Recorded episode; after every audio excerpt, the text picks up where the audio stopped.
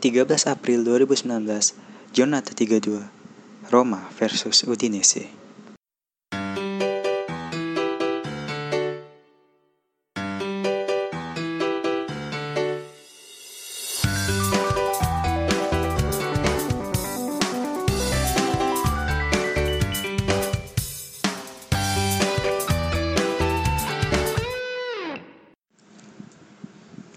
Setelah melewati debat capres terakhir, kita langsung disuguhkan dengan pertandingan bertajuk Big Match yang mempertemukan antara AS Roma melawan Udinese di Stadio Olimpico. Selain itu, match ini merupakan sebuah pertarungan yang sangat penting bagi kedua tim, karena seperti yang kita tahu bahwa Roma masih berkutat di peringkat 7 Serie A dan masih berpeluang untuk mengincar empat besar agar bisa lolos langsung di UCL musim depan. Sehingga, kalau kalah, bisa dipastikan akan sangat kesulitan mengejar Inter yang saat ini berada di urutan ketiga dan ketinggalan 6 poin di belakangnya. Sementara itu, Udinese juga membawa misi untuk menjauh dari zona degradasi yang hanya terpaut 4 angka dari Empoli yang berada di posisi 18. Hal ini jelas sebuah tantangan yang tidak mudah bagi Roma untuk meraih poin penuh melawan tim kota Udine yang juga bertekad untuk terus berada di Serie A musim depan. Lantas, seperti apakah jalannya pertandingan? Menarik untuk disimak. Match ini sendiri bisa Anda tonton di Bein Sports 3 dan channel streaming bola komentator Arab favorit Anda. Cie, keren kan keren? Kayak yang di TV-TV itu monolognya. Ya kalau keren itu memang murni dari sayanya. Ya kalau jelek berarti monolog TV-TV itu aja yang membahas sih. Ah bodoh langsung aja. Pertama kita akan ngebahas uh, dari line up kedua tim dulu ya. Nah dimulai dari Udinese dulu. Jadi formasi Udinese yang diterapkannya itu uh, formasi 352 itu sama seperti dua match sebelumnya pas dia lawan Milan itu seri 1-1 dan menang lawan Empoli 3-2. Jadi line up-nya juga nggak jauh berbeda. Itu ada kiper uh, di kiper ada Juan Musso. Hmm, Musso nama musuh sepertinya tidak asing ya di telinga kita. Apalagi kalau kita ngelihat kembali ke buku sejarah kita. Terus di belakang ada trio Samir, William Traus Ekong, dan Demayo. Nah, Demayo ini beberapa kali dipanggil sama Mancini di timnas Italia.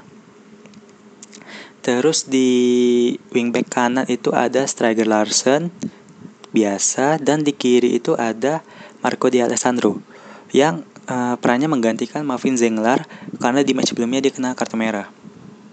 Nah, di tengah ini yang agak serem.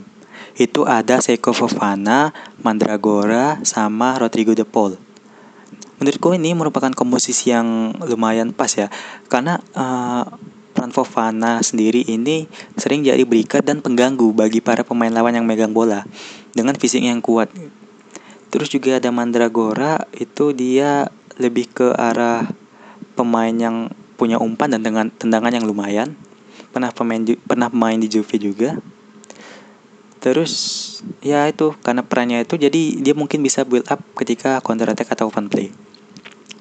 Nah yang satu lagi nih yang serem juga itu Rodrigo de Paul. Ini pemain yang sangat-sangat bisa mengacak-acak defense tim mana pun karena dia punya speed dan dribble yang bagus gitu. Terus di depan ada duet Okaka dan Lasanya. Lasanya ini di awal musim lumayan, tapi akhir-akhir ini kembali diadaptasi karena cedera yang buat dia absen sama beberapa pekan gitu. Nah, ini yang aku baru tahu. Uh, kalau Okaka itu udah di Udinese aja. Jadi nostalgia gitu dulu sempat jadi youngster Roma. Terus ya lumayan juga gitu performanya. Mungkin ya. Kalau media dulu selebay sekarang, kayaknya dia bakalan dibilang the next Batigol, the next Pruzo, atau the next apalah telek. Oh ya untuk info aja ya di pertandingan sebelumnya di pertandingan yang di kandang Udinese itu pertama Roma kalah 1-0 lewat gol solonya Rodrigo De Paul. Tungki memang.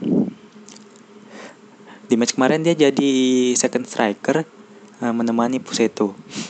Nah si Puseto ini sempat juga nyetak gol yang lumayan cantik ngecip gitu tapi dia nulir karena offside. Untung aja. Kalau nggak offside itu malunya double. Udah dibantai kena mainin sama gol cantik lagi. Aduh tungki. Oh ya sekarang kita beralih ke formasi yang dipakai oleh Roma formasi pakemnya Ranieri 442 di kiper itu ada Mirante yang akhir-akhir ini dimainin karena si Olsen yang ya performanya Terus di center back ada duet Manolas Fazio biasa. Nah, di fullback ini yang agak beda, yang beda sih. Di fullback kanan itu ada Juje, Juan Jesus, dan di kiri itu ada Marcano. Yang sebenarnya dua-dua ini aslinya itu center back.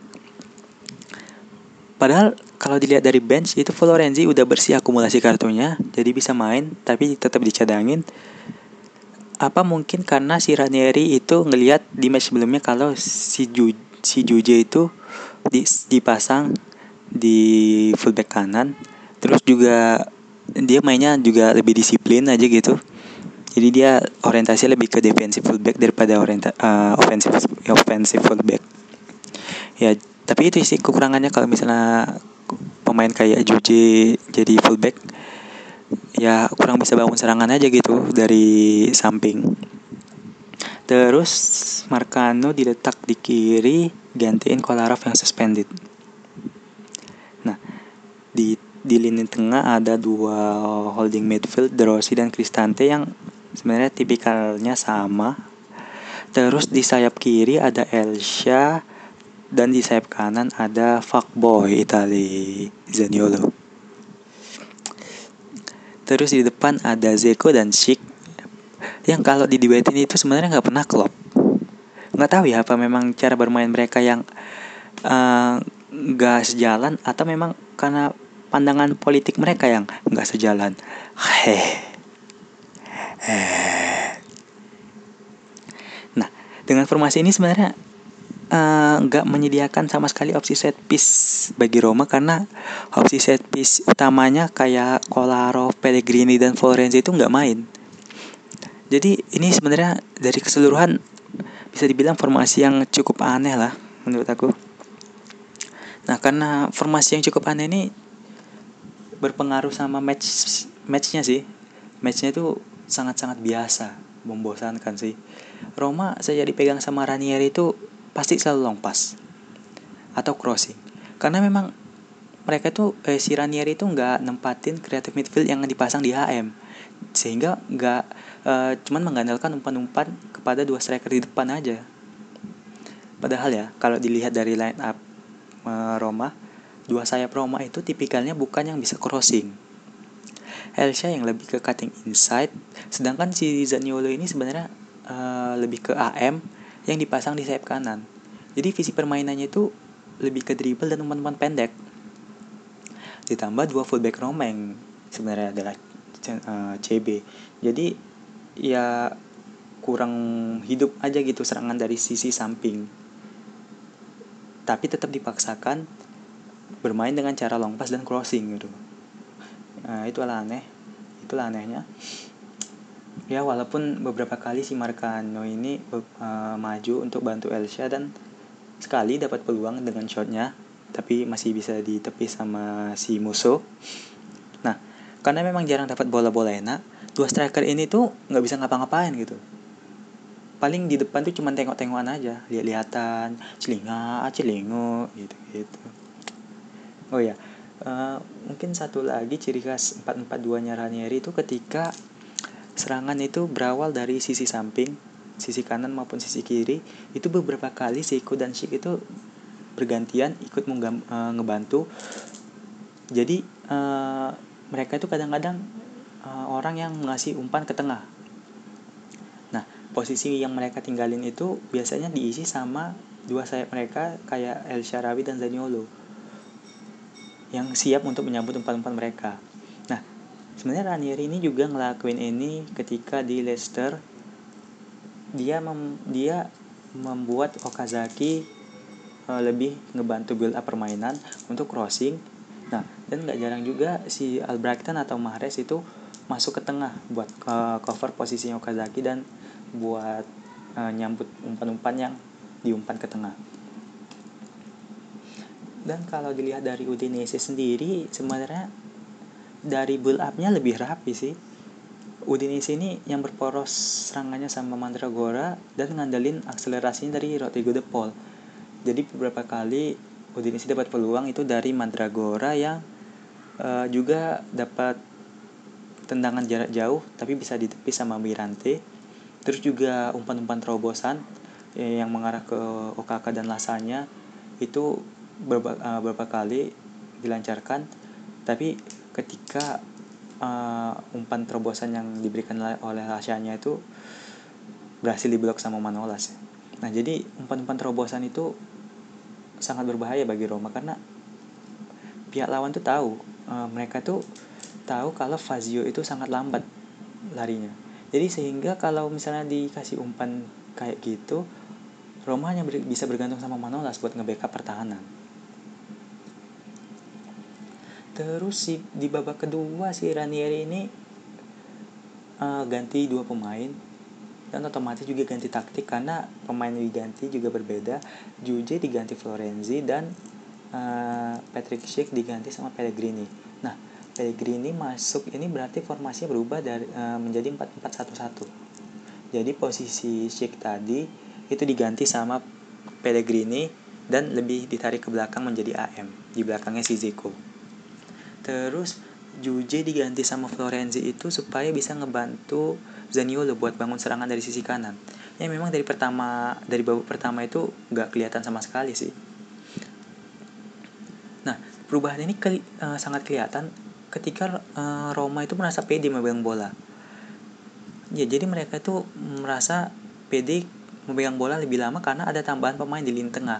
Jadi mereka bisa sabar untuk build up dan nggak langsung crossing ke Zeko gitu jadi permainan yang ditawarkan itu menjadi lebih rapi.